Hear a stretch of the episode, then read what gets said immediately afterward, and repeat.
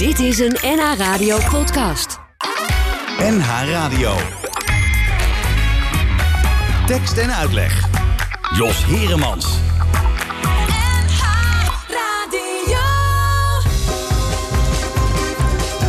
Als ik de koningin van Frankrijk was, dan droeg ik duizend jurken op een dag en wuifde ik zo lang dat jij me zag. Jij met je rode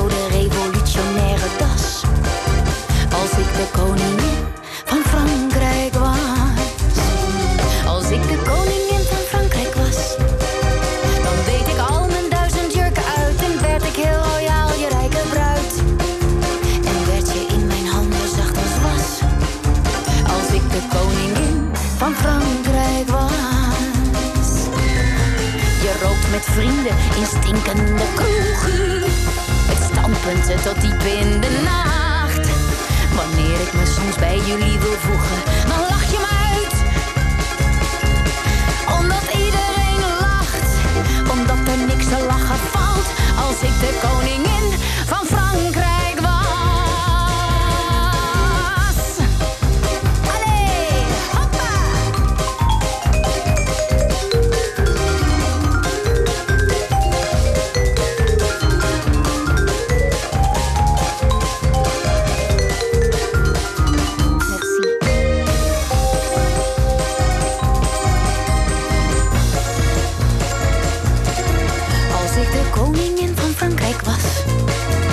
verbood ik jou met al je dronken vrienden die jouw gezelschap nergens mee verdienden.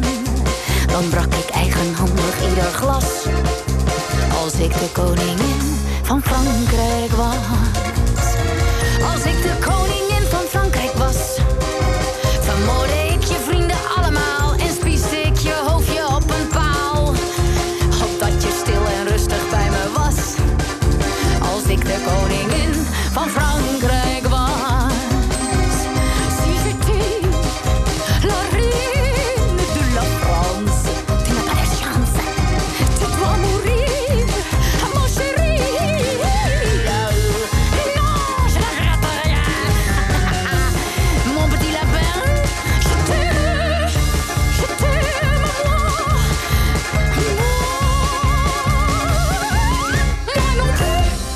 Dat kan er maar één zijn. Dat is eh, Ellen ten Damme. Welkom bij eh, Tekst en Uitleg op eh, deze zaterdagmiddag.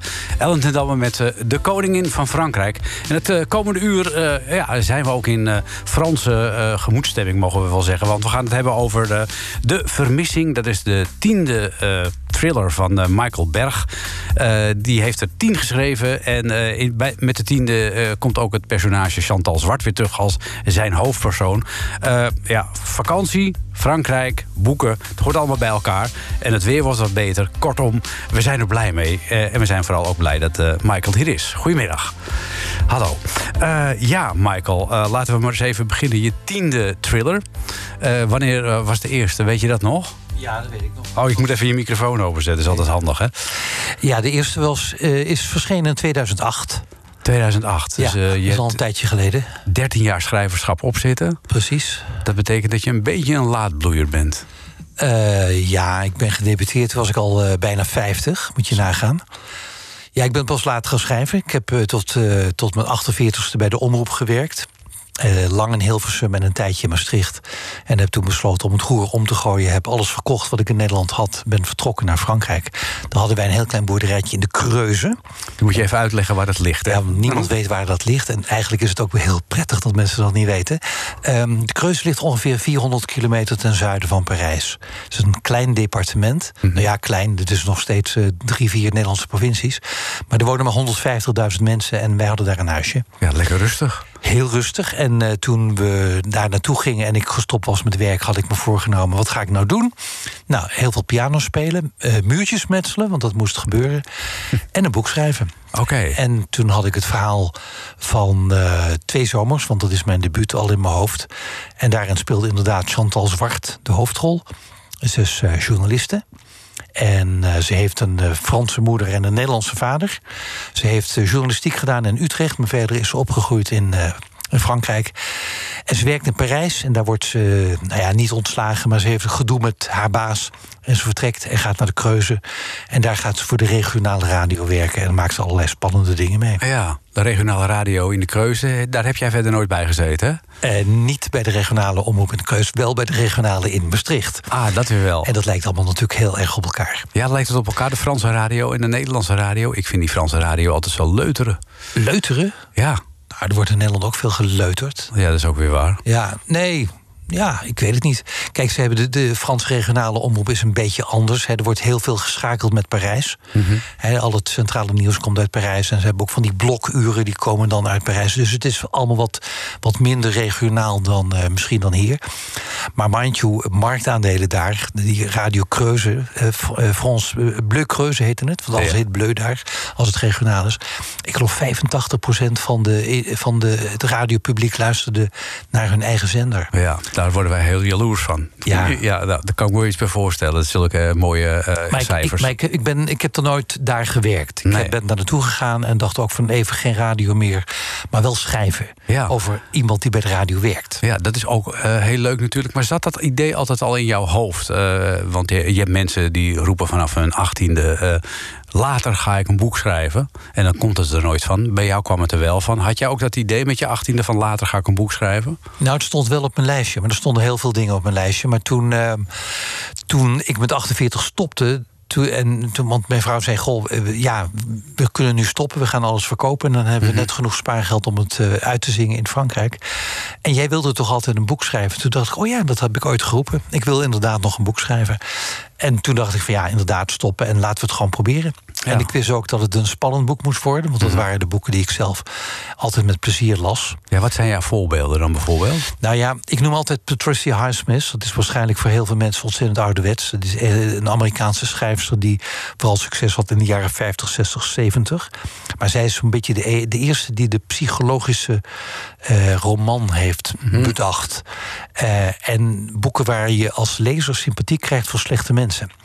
En dat vond ik interessant. Oké. Ripley is een van haar grote personages. Nou ja, mensen moeten die boeken maar eens lezen. Of anders films bekijken. Want er zijn heel veel films. eh, haar boeken zijn bijna allemaal verfilmd. Maar dat vond ik interessant. Hoe je een spannend verhaal met een slechte karakters. toch zo kunt modelleren. dat je er als lezer gewoon induikt. En dat je denkt: ja, die had ik ook omgelegd. Die rotvent. Oh, wat, fascineert, inter- wat, ja. wat fascineert jou zo in de slechte mens? Nou, niet in de slechte mens, maar ik kan me wel voorstellen dat ehm, iedereen in situaties terecht kan komen waar je misschien niet zo handelt als je dat van tevoren bedacht had. Dus kortom, dat de grens tussen goed en slecht, tussen goed en kwaad, niet zo zwart-wit is als wij denken. Ja, dat het geen op, voor opgezet plan hoeft te zijn. Maar je kunt in situaties verzeild raken dat je denkt van ik leg hem om. Want anders eh, het is hij of, eh, hij of ik. Ja, en het, het voelt ook beter om het te doen. Of het is rechtvaardiger. Ik kan me bijvoorbeeld een herinnering die ik heb uit mijn jeugd. Ik heb een verstandelijk gehandicapt broertje. Eh, nou, die werd wel eens, ja, als hij buiten was, gepest door andere kinderen. En ik herinner me een keer dat hij op het veldje voor ons huis speelde... en dat hij gepest werd door jongens. En dat ik zo boos was. Ik rende de straat op. En ik, ik- nou ja, iemand heeft toen tegen me gezegd, stop. Ik was helemaal geen vechtjas. Maar ik was in staat om die jongen bijna zijn nek te breken. Ja. Zo boos was ik dat hij aan mijn broertje zat. Ja. Nou, dat soort momenten van kortsluiting. Ik denk dat ieder mens in zo'n situatie kan komen. En dat we dus daarin moeten oppassen om te snel te oordelen over Ja. goed en kwaad. Ja, was dat voor jou meteen ook duidelijk toen jij eh, je eerste boek ging schrijven... dat het zich in Frankrijk moest afspelen? Ja, want ik dacht. eh, waarom zou ik over Amsterdam schrijven als ik in Frankrijk woon? Nou ja, je kunt natuurlijk denken van daar heb ik heel een tijd van mijn leven doorgebracht. Daar Ja. zitten de herinneringen nog goed van in mijn hoofd. Klopt. En mijn vierde boek ging wel over Amsterdam. Maar eh, de eerste boeken dacht ik van nee, ik moet schrijven over waar ik woon. Ik ben ook een, eh, een schrijver die in Frankrijk woont. Dat is ook iets wat je, ja, dat kun je beter dan uitleggen aan het publiek. Van hallo, hij woont in Frankrijk. Bovendien, het is veel makkelijker als je er woont. Eh, dan kun je er ook meteen een research doen. Ja. En er was er nog een heel opportunistisch idee wat ik had. Ik dacht, ja, er gaan ongeveer 1, tot 2 miljoen Nederlanders op vakantie in Frankrijk. Ik schrijf een spannend boek dat zich in Frankrijk Frankrijk speelt. Stel je voor dat 10% mijn boek koopt. Ja, Dan nee. ben ik in één keer binnen. Ja, die lopen dan, eh, die, ja, dan, die lopen dan lekker rond op de plekken die, waarin jij eh, je hoofdpersonen hebt gesitueerd. Precies. Maar ja, zo liepen dus niet helemaal. Nee, eh, is het eh, druk geworden in de kreuzen sinds je het uitkomen van je eerste boeken? Mm, Nou, volgens mij niet. Nee, niet echt, hè? Hoewel ik wel van mensen heb gehoord die mijn boeken hebben gelezen... en dan de plekken proberen op te zoeken die in de boeken voorkomen. Ja, dat doe ik dus ook. Ja, Ja? ja? ik ben echt eh, aan, aan het puzzelen geweest van eh, eh, waar het zich afspeelde. Want het Plateau de Milvache bijvoorbeeld, beschrijf jij in je boek, in je laatste boek. Ja. Toevallig ben ik vorig jaar naar de Kreuzen op vakantie geweest. Dat kwam alleen maar omdat ik niet, niet verder ging. En eh, ja, dan ga je toch wel op zoek naar plekken dat je denkt van... hé, hey, dat heb ik in het boek eh, heb ik dat ook gelezen. ja. Eh, vroeger, weet je nog, ging je naar Frankrijk met een eh Renaultje 4. En Hans eh, schreef daar een prachtig mooi nummer over. En uh, Sazie vertolkt dat.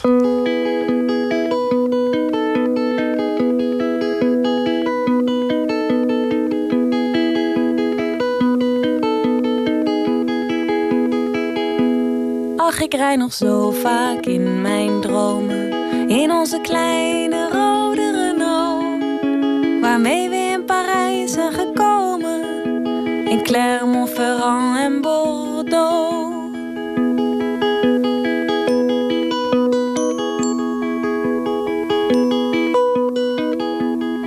Hij zong een liedje als het ware.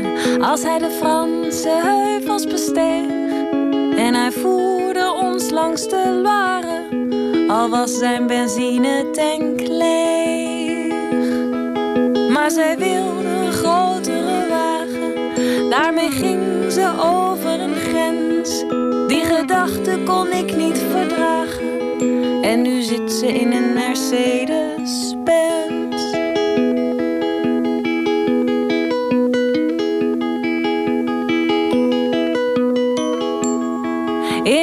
Mercedes ver weg in Westfalen. Naast een vent die goed zit bij kas. De duivel mogen haar halen. Want nooit wordt het meer zo als het was. Nee, nooit vergeef ik haar deze blamage. Smakeloos was het en grof. De Renault staat in de garage. Overdekt met een dikke laag stof.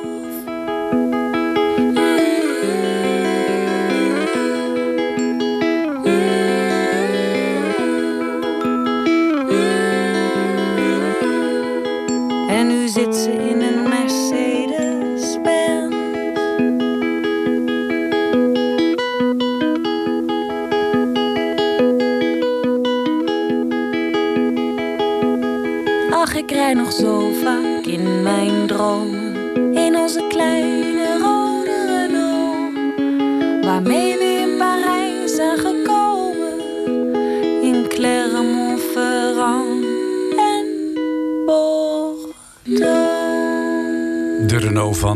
Zazie. Eh, in deze tekst en uitleg praten we met eh, Michael Berg... naar aanleiding van eh, het uitkomen van zijn tiende thriller, De Vermissing. Michael, is het bij jou ook zo gegaan vroeger in een Renaultje naar Frankrijk? Niet in de Renault naar Frankrijk. Nee, met mijn ouders. Met de caravan naar, naar Bretagne. Ah. Dat was de- volgens mij de eerste reis. En, en op de terugweg hebben we in Fontainebleau op een camping gestaan. En dat was in de tuin van een kasteel. Dat vond ik buitengewoon spannend.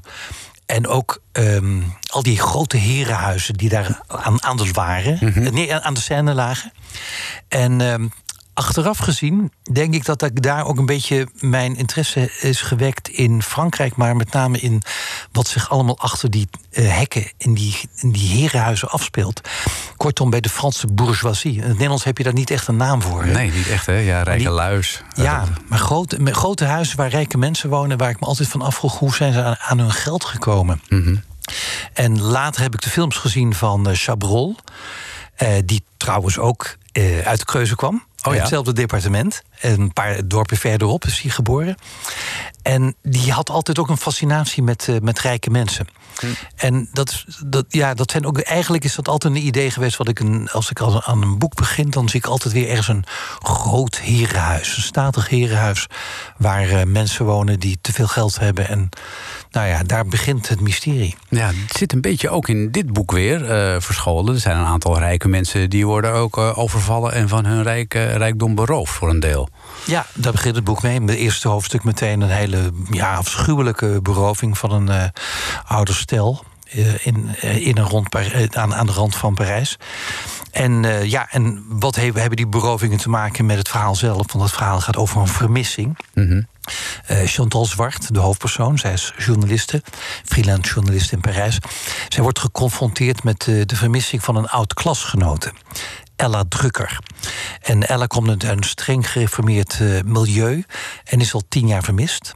En heeft al die tijd wel haar ouders met feestdagen een kaartje gestuurd. Maar dan op een gegeven moment krijgen die ouders geen kaartje meer. En de politie wil niet uh, onderzoeken wat er aan de hand is. En die ouders denken, oh god, ze zat bij, met Chantal Zwart in, in de klas. En Chantal Zwart is zo, ja, die slimme meid en die kan allerlei dingen uitzoeken. Wil jij haar niet gaan zoeken?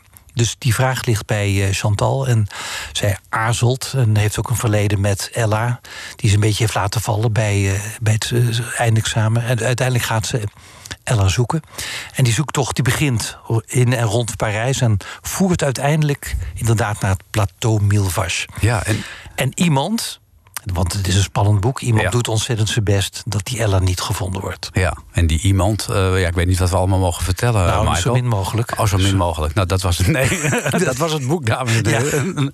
400 pagina's. 400 pagina's. eh, dat is niet eh, 1, 2, 3 samen te vatten. Er lopen allerlei ehm, eh, verhaallijnen ook nog doorheen. Want Chantal Zwart is natuurlijk niet zomaar iemand. Het verhaal, het leven van Chantal Zwart moet natuurlijk ook een bepaalde lading meekrijgen. Eh, haar verleden speelt een rol. Haar verhouding met de buurman speelt een rol. eh, eh, ja, haar contacten met de politie. Hoe, hoe ben je aan de figuur Chantal Zwart gekomen? Hoe heeft hij zich in jouw hoofd zo eh, ja, ontsponnen? Ja, die heeft zich eigenlijk geleidelijk ontwikkeld. Want Hm. toen ik haar had bedacht voor mijn eerste boek... ja, had ik een journaliste voor ogen. Het moest een vrouw zijn, dat wist ik wel. Hm. Ja, En ze- maar misschien had je een oud collega in gedachten. Nee, nee, nee. Maar het is eigenlijk een optelsom van een aantal mensen die ik vrij goed ken. En, eh, maar het moest een vrouw zijn. Ze moest in de journalistiek zitten. En ze moest de hoofdrol vervullen. En ze werkte bij de radio. Maar in mijn eerste boek las ze het nieuws. En dat was niet echt een slimme zet. Want ik merkte gewoon, ja, weet je, een hoofdpersoon moet erop uit kunnen. En als je bij de radio werkt en je moet het nieuws presenteren, dat weet jij ook, dan kom je het gebouw niet uit. Nee, dan zit je binnen, Dan ja. zit je de hele dag in de studio. Dus ik kwam er al vrij snel achter dat dat niet handig was. Dus dan kreeg ze weer een conflict met haar baas. Of ze werd weer ontslagen. Ik moest haar in ieder geval vrijheid geven. En in het vierde boek, Nacht in Parijs... dan heeft ze afscheid genomen van de Kreuzen. En dan erft ze een prachtig immeuble in de Marais in Parijs. En dan gaat ze van haar oma, die overleden is... dan gaat ze zelf op de bovenste etage wonen. Daar werd ik wel een beetje jaloers op. Dat is een heel mooi plekje. Ik, heb, ik ken dat huis namelijk zelf eh, persoonlijk. Maar dan is ze financieel onafhankelijk. En dan kan ze eindelijk doen waar, waar ze altijd van gedroomd heeft. En dat is om freelance onderzoeksjournalist te zijn. Dus ze Ja. gaat alleen maar zaken uitzoeken die ze interessant vindt. Ja, eigenlijk is het wel een beetje de droom ook van heel veel Nederlanders. Ze leven als een god in Frankrijk. Nederlanders willen altijd nog een huisje in Frankrijk. Of, of een huis in Frankrijk.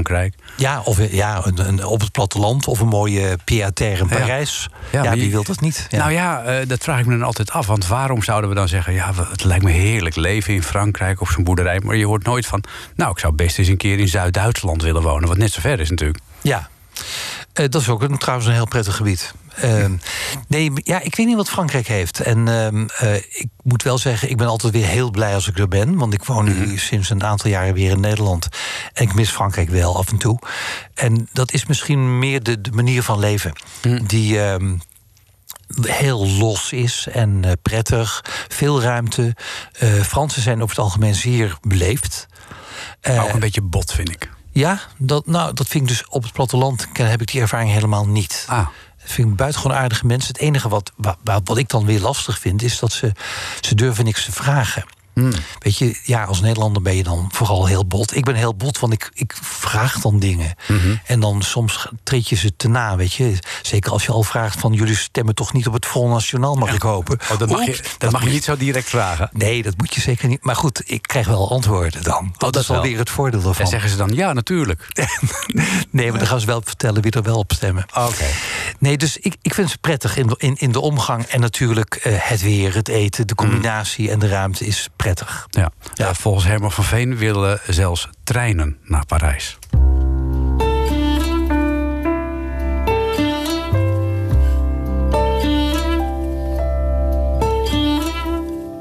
Elke trein wil naar Parijs. Als je hem zijn zin laat doen.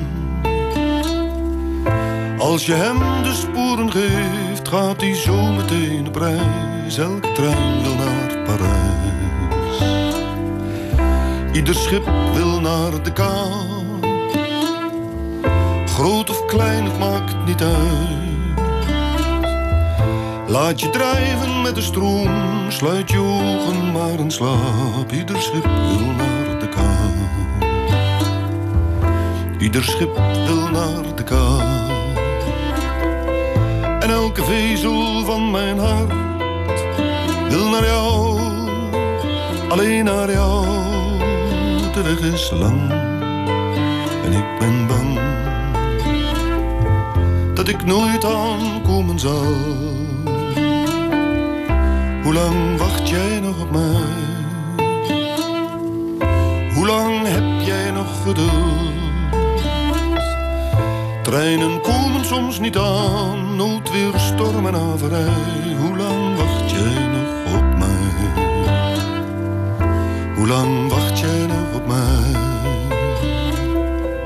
En elke vezel van mijn hart wil naar jou, alleen naar jou. De weg is lang en ik ben bang dat ik nooit aankomen zal. Elke trein wil naar Parijs, als je hem zijn zin laat doen. Als je hem de sporen geeft, gaat hij zo meteen op reis. Elke trein wil naar Parijs. Elke trein wil naar Parijs. Tekst en uitleg. En in tekst en uitleg eh, praten we vanmiddag met eh, Michael Berg. Zijn eh, tiende thriller is uit, eh, De Vermissing... met in de, de hoofdrol weer Chantal Zwart. Voor de vorige... nou, was dat de vorige? Ik weet niet exact of het de vorige was... maar in ieder geval met Chantal Zwart ook in de hoofdrol... won jij ook de Gouden Strop. Ja, dat, was, eh, dat boek was uit 2012. Ah ja. En daar heb ik in 2013 de Gouden Strop mee gewonnen. Ja, Ja. En, Hoe toen, en toen, ja, weet je, en toen, dat was voor mij een soort, ja, een soort- nee, het was echt een doorbraak. Dat heet ook Nacht in Parijs, hè, overigens. eh, Ja. ver- vergeten Ja, de titel te noemen. Nachtenprijs, ja. Dat was voor mij een soort eh, doorbraak. En sindsdien kan ik ook min of meer leven van de pen. Ja, verandert er dan veel in je leven als je die doorbraak hebt gehad? Of als je überhaupt zo'n prijs hebt gekregen eigenlijk? Ja, dat jaar veranderde echt alles. Hm. Ja, want het, was dan, het ging opeens vanzelf, weet je. De boeken vlogen, vlogen de winkels uit.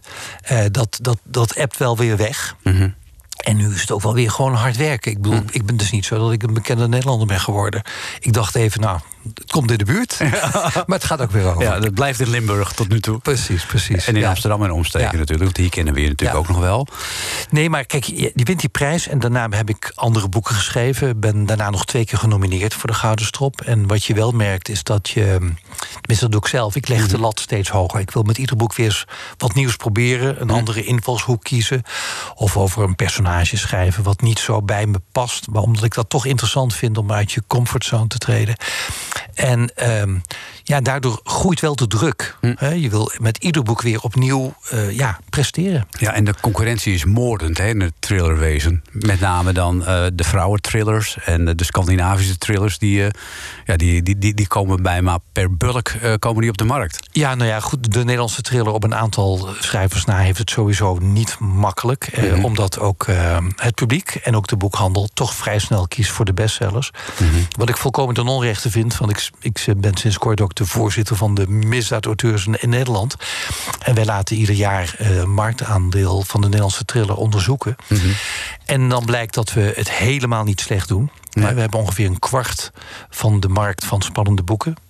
Terwijl er de buitenlandse, de, de, de Zweden en de Amerikanen komen met zes keer meer boeken het land binnen. Aha. Dus dan is die Nederlandse thriller helemaal niet zo slecht. En ik denk dan als boekhandelaren, maar ook het publiek, mhm.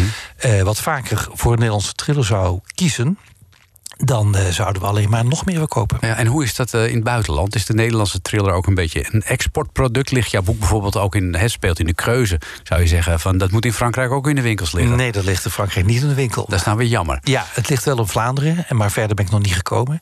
Hoewel, Nacht in Parijs, daarvan is uh, een paar weken geleden... de Engelse vertaling verschenen. Kijk. als e-book, en die ligt nu in de hele wereld.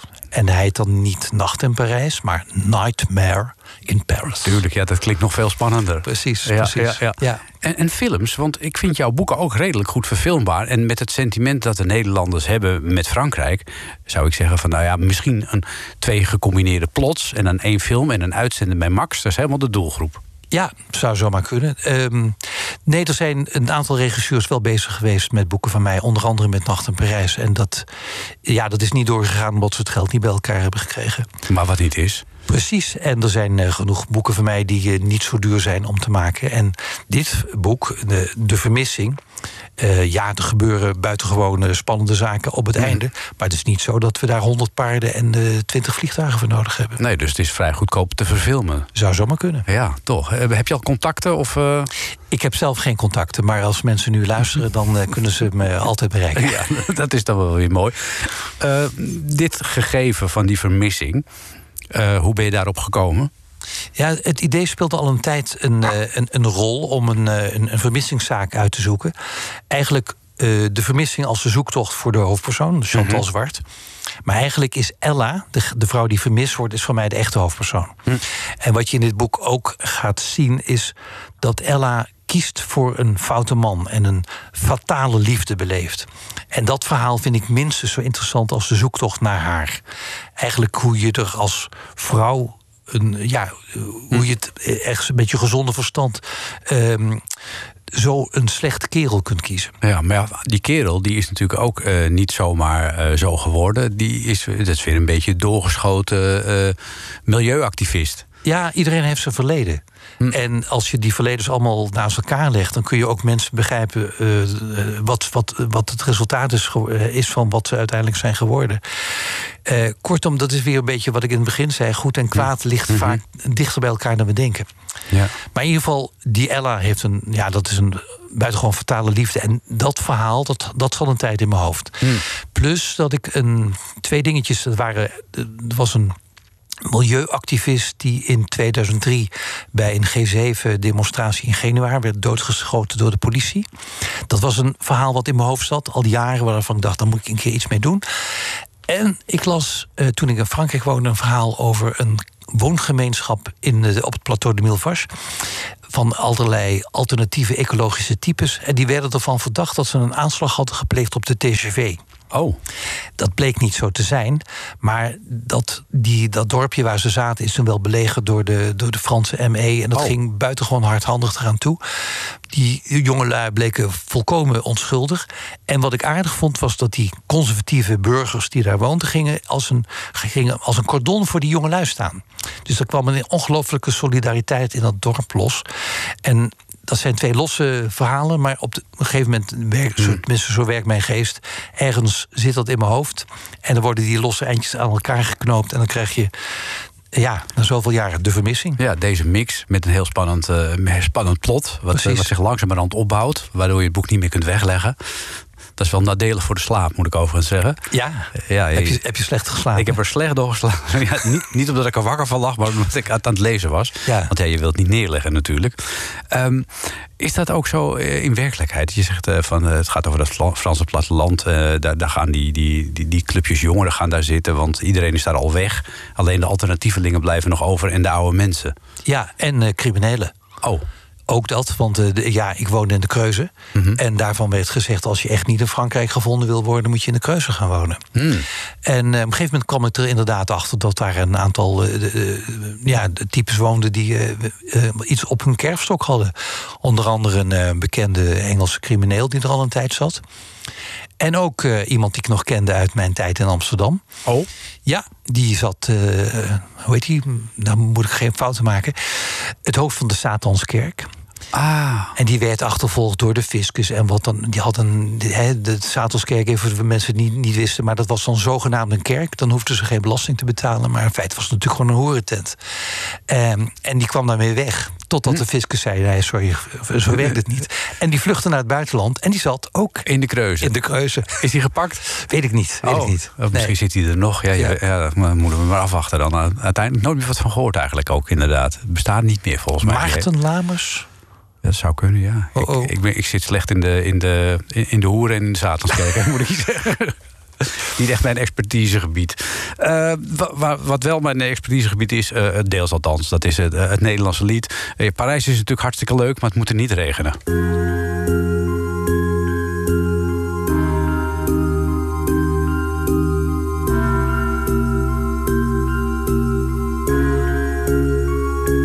Kwart over negen, tafel geregeld.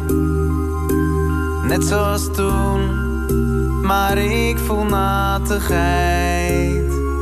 Het is vaker geschreven, het is hier zo mooi in de regen. Maar ik ben bang dat dit niet overdrijft. Het regent in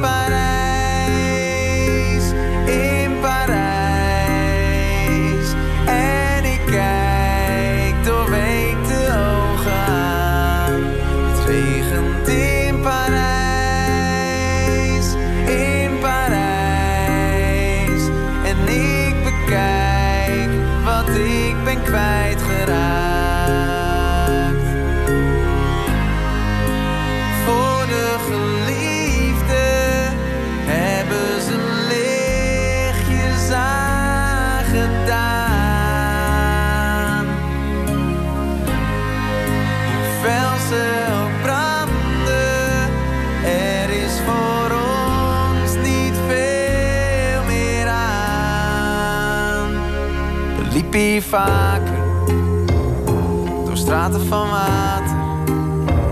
En door liefde verdoofd, trotseerden we het weer. Nu zeven jaar later, in dezelfde straat, zijn we al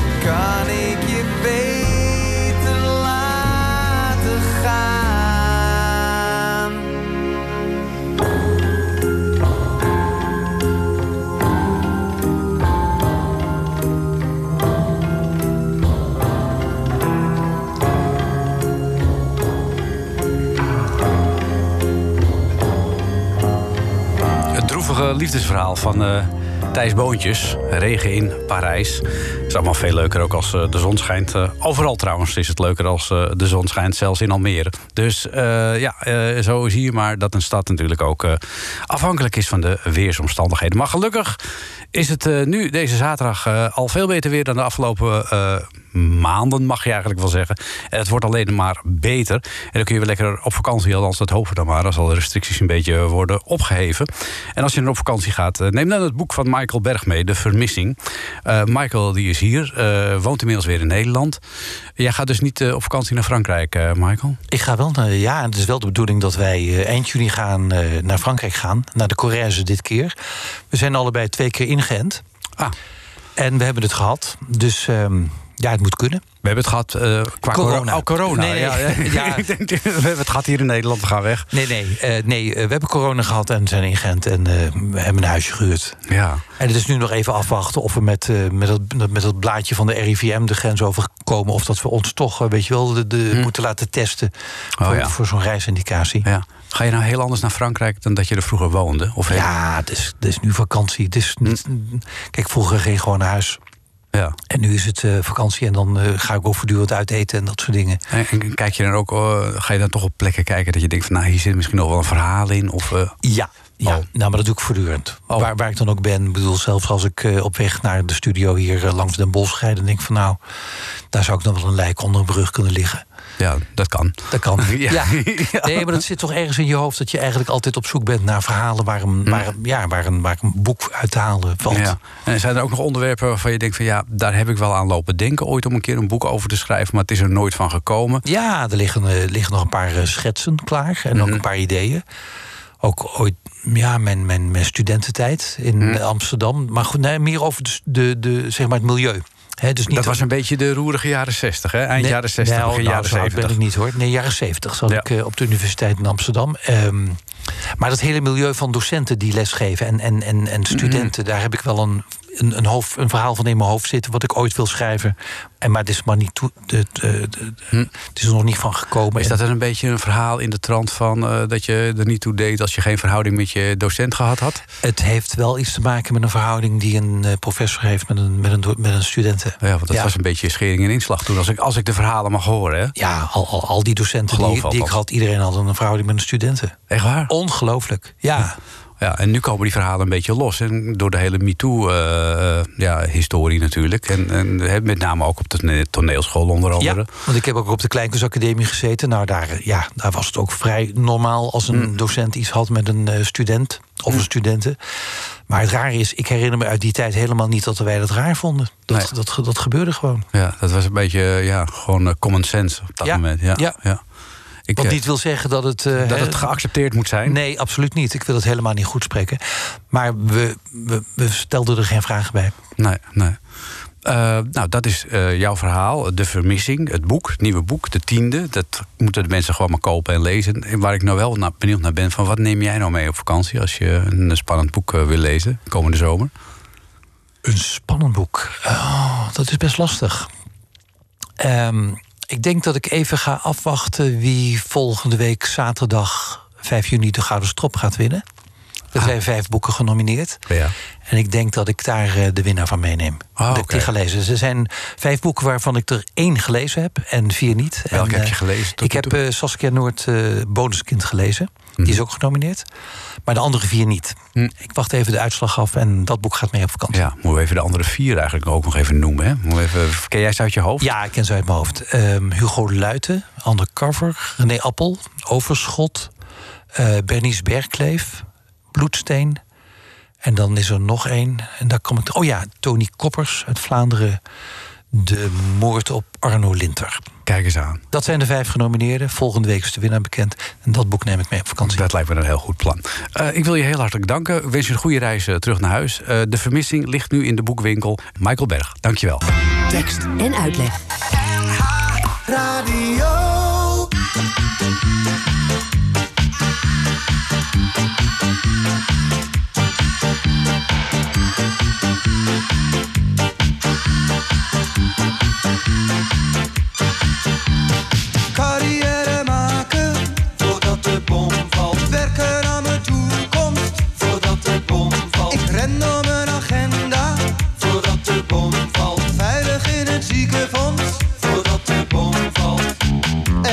Bom valt, lig ik in mijn nette pak. Diploma's en mijn checks op zak. Mijn polen en mijn woorden schaal, schaal, schaal. Onder de flatgebouwen van de stad naast jou. Laat maar vallen,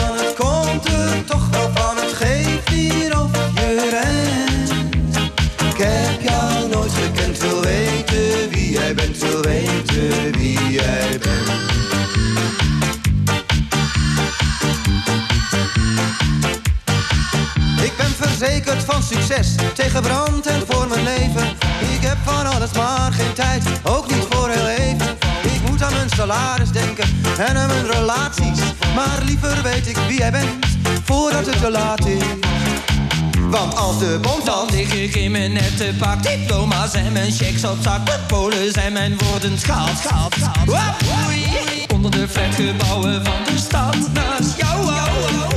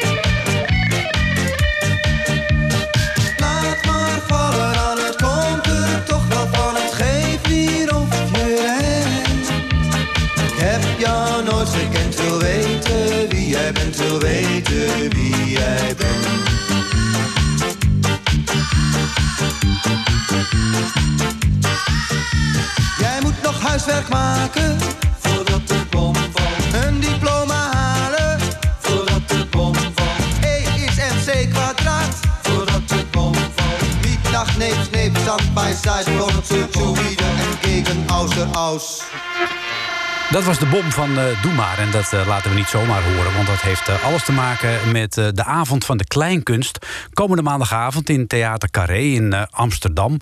Weliswaar zonder publiek. Maar gewoon online wel te volgen via een livestream. En op die avond van de kleinkunst is het de traditie... dat kleinkunstenaars een vervolg maken op een, op een nummer uit het verleden. Zoals bijvoorbeeld Jentel en de Boer deden met Het is over. Daar maakten zij een vervolg op. Het is begonnen. Won ook prompt de Annie M. G. En zo zijn er eh, maandagavond weer eh, talloze opvolgers te eh, vinden. Vijf stuks in totaal. Maar de bom springt dan toch wel het meest in het oog. En dat is in de tijd uitgevoerd door Doe maar, maar geschreven door Ernst Jans. En die hebben we nu aan de telefoon. Dag Ernst, goedemiddag. Goedemiddag. Ja, de bom. Eh, in de tijd een, eh, een roemrug nummer. Kun je je nog herinneren hoe dat nummer is ontstaan? Ehm, ja, dat nummer is ontstaan eh, eh, voor- speciaal voor het No Nukes Festival, volgens mij. Dat was in tw- ik denk- nee, 1982. En dat was een, ja, dat, dat was een soort van protestbeweging tegen eh, het plaatsen van kern, kernkoppen op Nederlandse bodem als soort van veiligheidsgordel rondom Amerika tegen de Russen. En ehm, ja, wij waren daar tegen. Ja, ik- en eh, wij speelden dus op dat festival. En ik had speciaal voor, daarvoor eh, dat nummer geschreven eigenlijk. Ik heb uit eh, redelijk betrouwbare bron vernomen dat het nummer geschreven is in een schuurtje. Klopt dat? Ja, ja, ja, dat klopt heel goed. Hoe weet je dat? Ja, ik heb van mijn bronnen. ja, hier achter waar ik woon hebben we een schuurtje. En daar in, die, in die tijd, eh, begintijd van Doe maar, eh, ja, schreven we daar gewoon, eh, ja, zowat, in ieder geval mijn nummers. En, en probeerde, maakte daar ook demo's van en zo. Ja, dat klopt. Ja, en hebben jullie er lang over gedaan om, om, om dat uiteindelijk ook in de tijd toen, nog natuurlijk op LP te zetten? Of was dat meteen van het begin af aan duidelijk dat dat nummer dat zetten we ook op een LP? Eh, nee, dat was niet duidelijk. We, het was, eh, we hebben het dus eerst live uitgevoerd op het No Nukes Festival. En ehm, daarna eh, besloten we het om op, op een plaat te zetten. En we hebben het nog eens helemaal grondig... eh, ja, toch wel een, een update gegeven. eh, waarbij Henny, Henny, Henny Vrienden een belangrijke rol had in, de, in die prachtige koortjes, Awoei en zo. Ja. en ehm, En toen hebben we besloten om het wel op single te zetten, maar niet op een LP. Ah, op die manier. En dat was een idee wat we eigenlijk gepikt hadden van de Beatles. Die brachten ook singles uit die niet op LP's verschenen. Ah. En eh, wij vonden dat een eh, goed idee. En ja, toen is het eigenlijk alleen op single uitgebracht. Ja, en, dat ging op een gegeven moment eh, heel erg hard. Iedereen herinnert zich nog wel uit die tijd dat filmpje. Het was een redelijk fatalistische tekst, vond ik. Ehm, ja, dat, daar lijkt het wel op. Maar uiteindelijk was het dus de boodschap eh, van, van je kunt wel rennen eh, door het leven. Van de ene afspraak naar de andere. eh, met een volle agenda en alles. Maar uiteindelijk heb je daar niks aan. Uiteindelijk, waar gaat het om, is... eh, ik- heb jou nooit gekend, ik wil weten wie je bent. Dus het, de, de boodschap was eigenlijk van, van eh, laten we ophouden met, met rennen. Want eh, die bom, ja, die valt of die valt niet. Maar ehm, de, wat het allerbelangrijkste is om tijd te maken voor elkaar. Ja, dus eigenlijk is het een soort liefdesliedje. Eigenlijk wel, ja. Ja, dat is bijzonder. Ja, precies. Ja, Ja. ja. Nu staat eh, Peter van Rooyen voor de bijna onmogelijke taak... om hier een vervolg op te schrijven, lijkt me. Eh, nou ja, dat weet ik niet. Ehm, eh, dat hij, hij heeft het gedaan, dus... eh, Ben je ik ben nieuwsgierig? benieuwd. Ik ben ja, enorm nieuwsgierig. Ja, ja. Nu, nu ga jij zelf ook op de avond van de kleinkunst... dat nummer De Bom nog ten gehore brengen. Ja. doe maar bestaat niet meer. Althans, volgens mij op dit moment even niet. Hoe ga je dat doen? Eh, nou, Doe maar bestaat natuurlijk wel. Alleen we treden, we treden eigenlijk maar heel zelden op. Ja, Maar we, we, ja, de, band bestaat nog steeds. En hoe gaat het dat gaan doen? Eh, volgens mij wordt, eh, nou dat weet ik wel zeker, word ik begeleid door een eh, begeleidingsband. Ik zing dat nummer dus. En die begeleidingsband, dat is wel heel aardig en leuk om te vermelden. Die staat onder leiding van Xander Vriend. Het is de zoon van Henny. kijk eens aan. Ja, Ja, en, eh, en die speelt ook bas. Nou, dat- Dus eh, dat is echt wel, vind ik wel ontzettend leuk om dat, eh, om dat op die manier uit te voeren. Ja, dat, eh daar verheug ik me enorm op. ja, dat kan ik me voorstellen. Verder Martin Bosman, heb ik begrepen... en Floris van de Vlucht maken ook deel uit van die band. Ja. Nu, nu is het zo, het is heel leuk natuurlijk dat Xander daarop meespeelt als zoon van Henny. Maar even een zijsprongetje makend. ik ken toevallig ook nog een heel prachtig mooi nummer van jou met je dochter. Ja, ja, dat is waar. Ja, We hebben samen ook een nummer geschreven en eh, samen ook gezongen. ja. Dat, Ja. dat wil ik zo dadelijk eh, ook eventjes eh, laten horen. Allerlaatste vraag. Stel dat jij had mogen kiezen welk nummer van Doe Maar of van jouzelf... zou jij graag inbrengen waar iemand anders dan zijn tanden op mag stuk bijten... om daar een vervolg op te schrijven? Oei. Ehm, nou, laat ik het even houden bij mijn eigen nummers. Ehm, ik zou het wel leuk vinden als tijd genoeg. De- de- wat natuurlijk in feite hetzelfde thema draagt als, als de bom. En wat ook eigenlijk eh, niet zo'n bekend nummer is van Doe maar. Maar dat, dat is, ligt mij wel heel erg aan het hart. Hmm. Gaat mij, ja, dat ligt mij, eh, dat ben ik, vind ik een heel eh, bijzonder, voor mijzelf een bijzonder nummer. Dus ik ben, daar ben ik wel heel benieuwd naar als iemand daar een vervolg op zou schrijven. Oké. Dat zou ik, zou ik heel leuk vinden. Nou, wie weet kan dat in, het, in, in een latere editie van de Avond van de Kleinkunst... komende maandagavond in Amsterdam, in het eh, Theater Carré. Dus eh, Ernst Jans eh, en Peter van Rooyen... die dus een opvolger mag schrijven voor De Bom. Karin Bloemer, die is er ook. En Elke Vierwijzer, die mag dan proberen... een vervolg te schrijven op Geen Kind Meer. Travassi komt ook. En Marcel Hartenveld, die gaat een, ja, een, een, een latere versie van Wasmachine maken. Peter de Koning, je weet wel van... het is altijd lente in de ogen van de tandartsassistenten... die is gekoppeld aan Martijn Cardol. Eh, en eh, Hans de Boy en eh, Van der Laan en Woe, die zijn ook aan elkaar gekoppeld. En dat moet een vervolg worden op Annabel. Allemaal Ja. te horen dus en te zien komende maandagavond bij de Avond van de Kleinkunst. Alleen online eh, via Theater Carré. En wil je daar kaartjes voor krijgen, en dan krijg je een linkje om daar eh, naar te kijken. Dan moet je maar even gaan naar, eh, even kijken, amsterdamskleinkunstfestival.nl. En dan eh, kun je vanzelf eh, zien hoe je daarbij terechtkomt. Eh, we gaan naar jou luisteren en je dochter, eh, Ernst Jans. Nou, dat is leuk. En, eh, en ik wens je nog een hele, een hele gezellige avond. Ja, nou, het zelf. Oké, dag. Dag.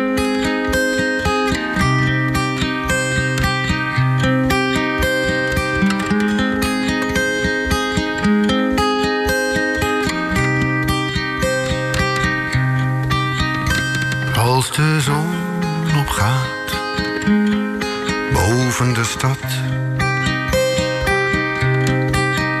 waar ik jou, oh jou, heb lief gehad. Waar wij onze levens deelden en onze kinderen speelden. Waar nu nog slechts ruïnes staan, want legers zijn voorbij gegaan. Dan huilt mijn hart, mijn droeve hart. Als de zon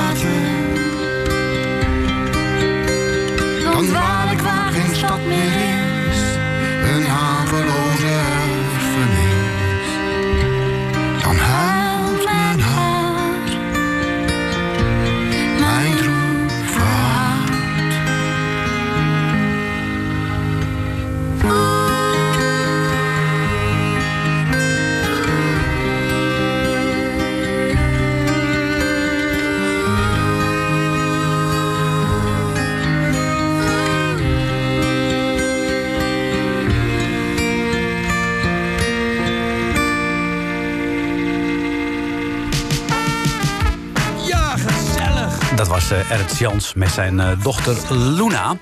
En dit is eh, Joost Belevante met Ja, gezellig, de bekende tune. En Ernst Jans en Joost Belevante die kennen elkaar ook goed. Die spelen nog steeds af en toe samen in CCC Incorporated. Straks, na zessen, Ferdy Bolland met het Gouden Hitsmuseum... met eh, talloze prachtige mooie nummers waar hij een mooi verhaal bij heeft. En eh, natuurlijk eh, kun je deze uitzending ook eh, terugluisteren. Dat kan via nhradio.nl, maar ook als podcast via de bekende podcastkanalen. En ik stuur je de zaterdagavond natuurlijk niet in zonder een versje uit de bundel... Lichte versen in zware tijden. Mocht je straks in de vakantiefile staan... dan zal het wel om een prikactie van de douane gaan. Ik wens je nog een gezellige zaterdagavond.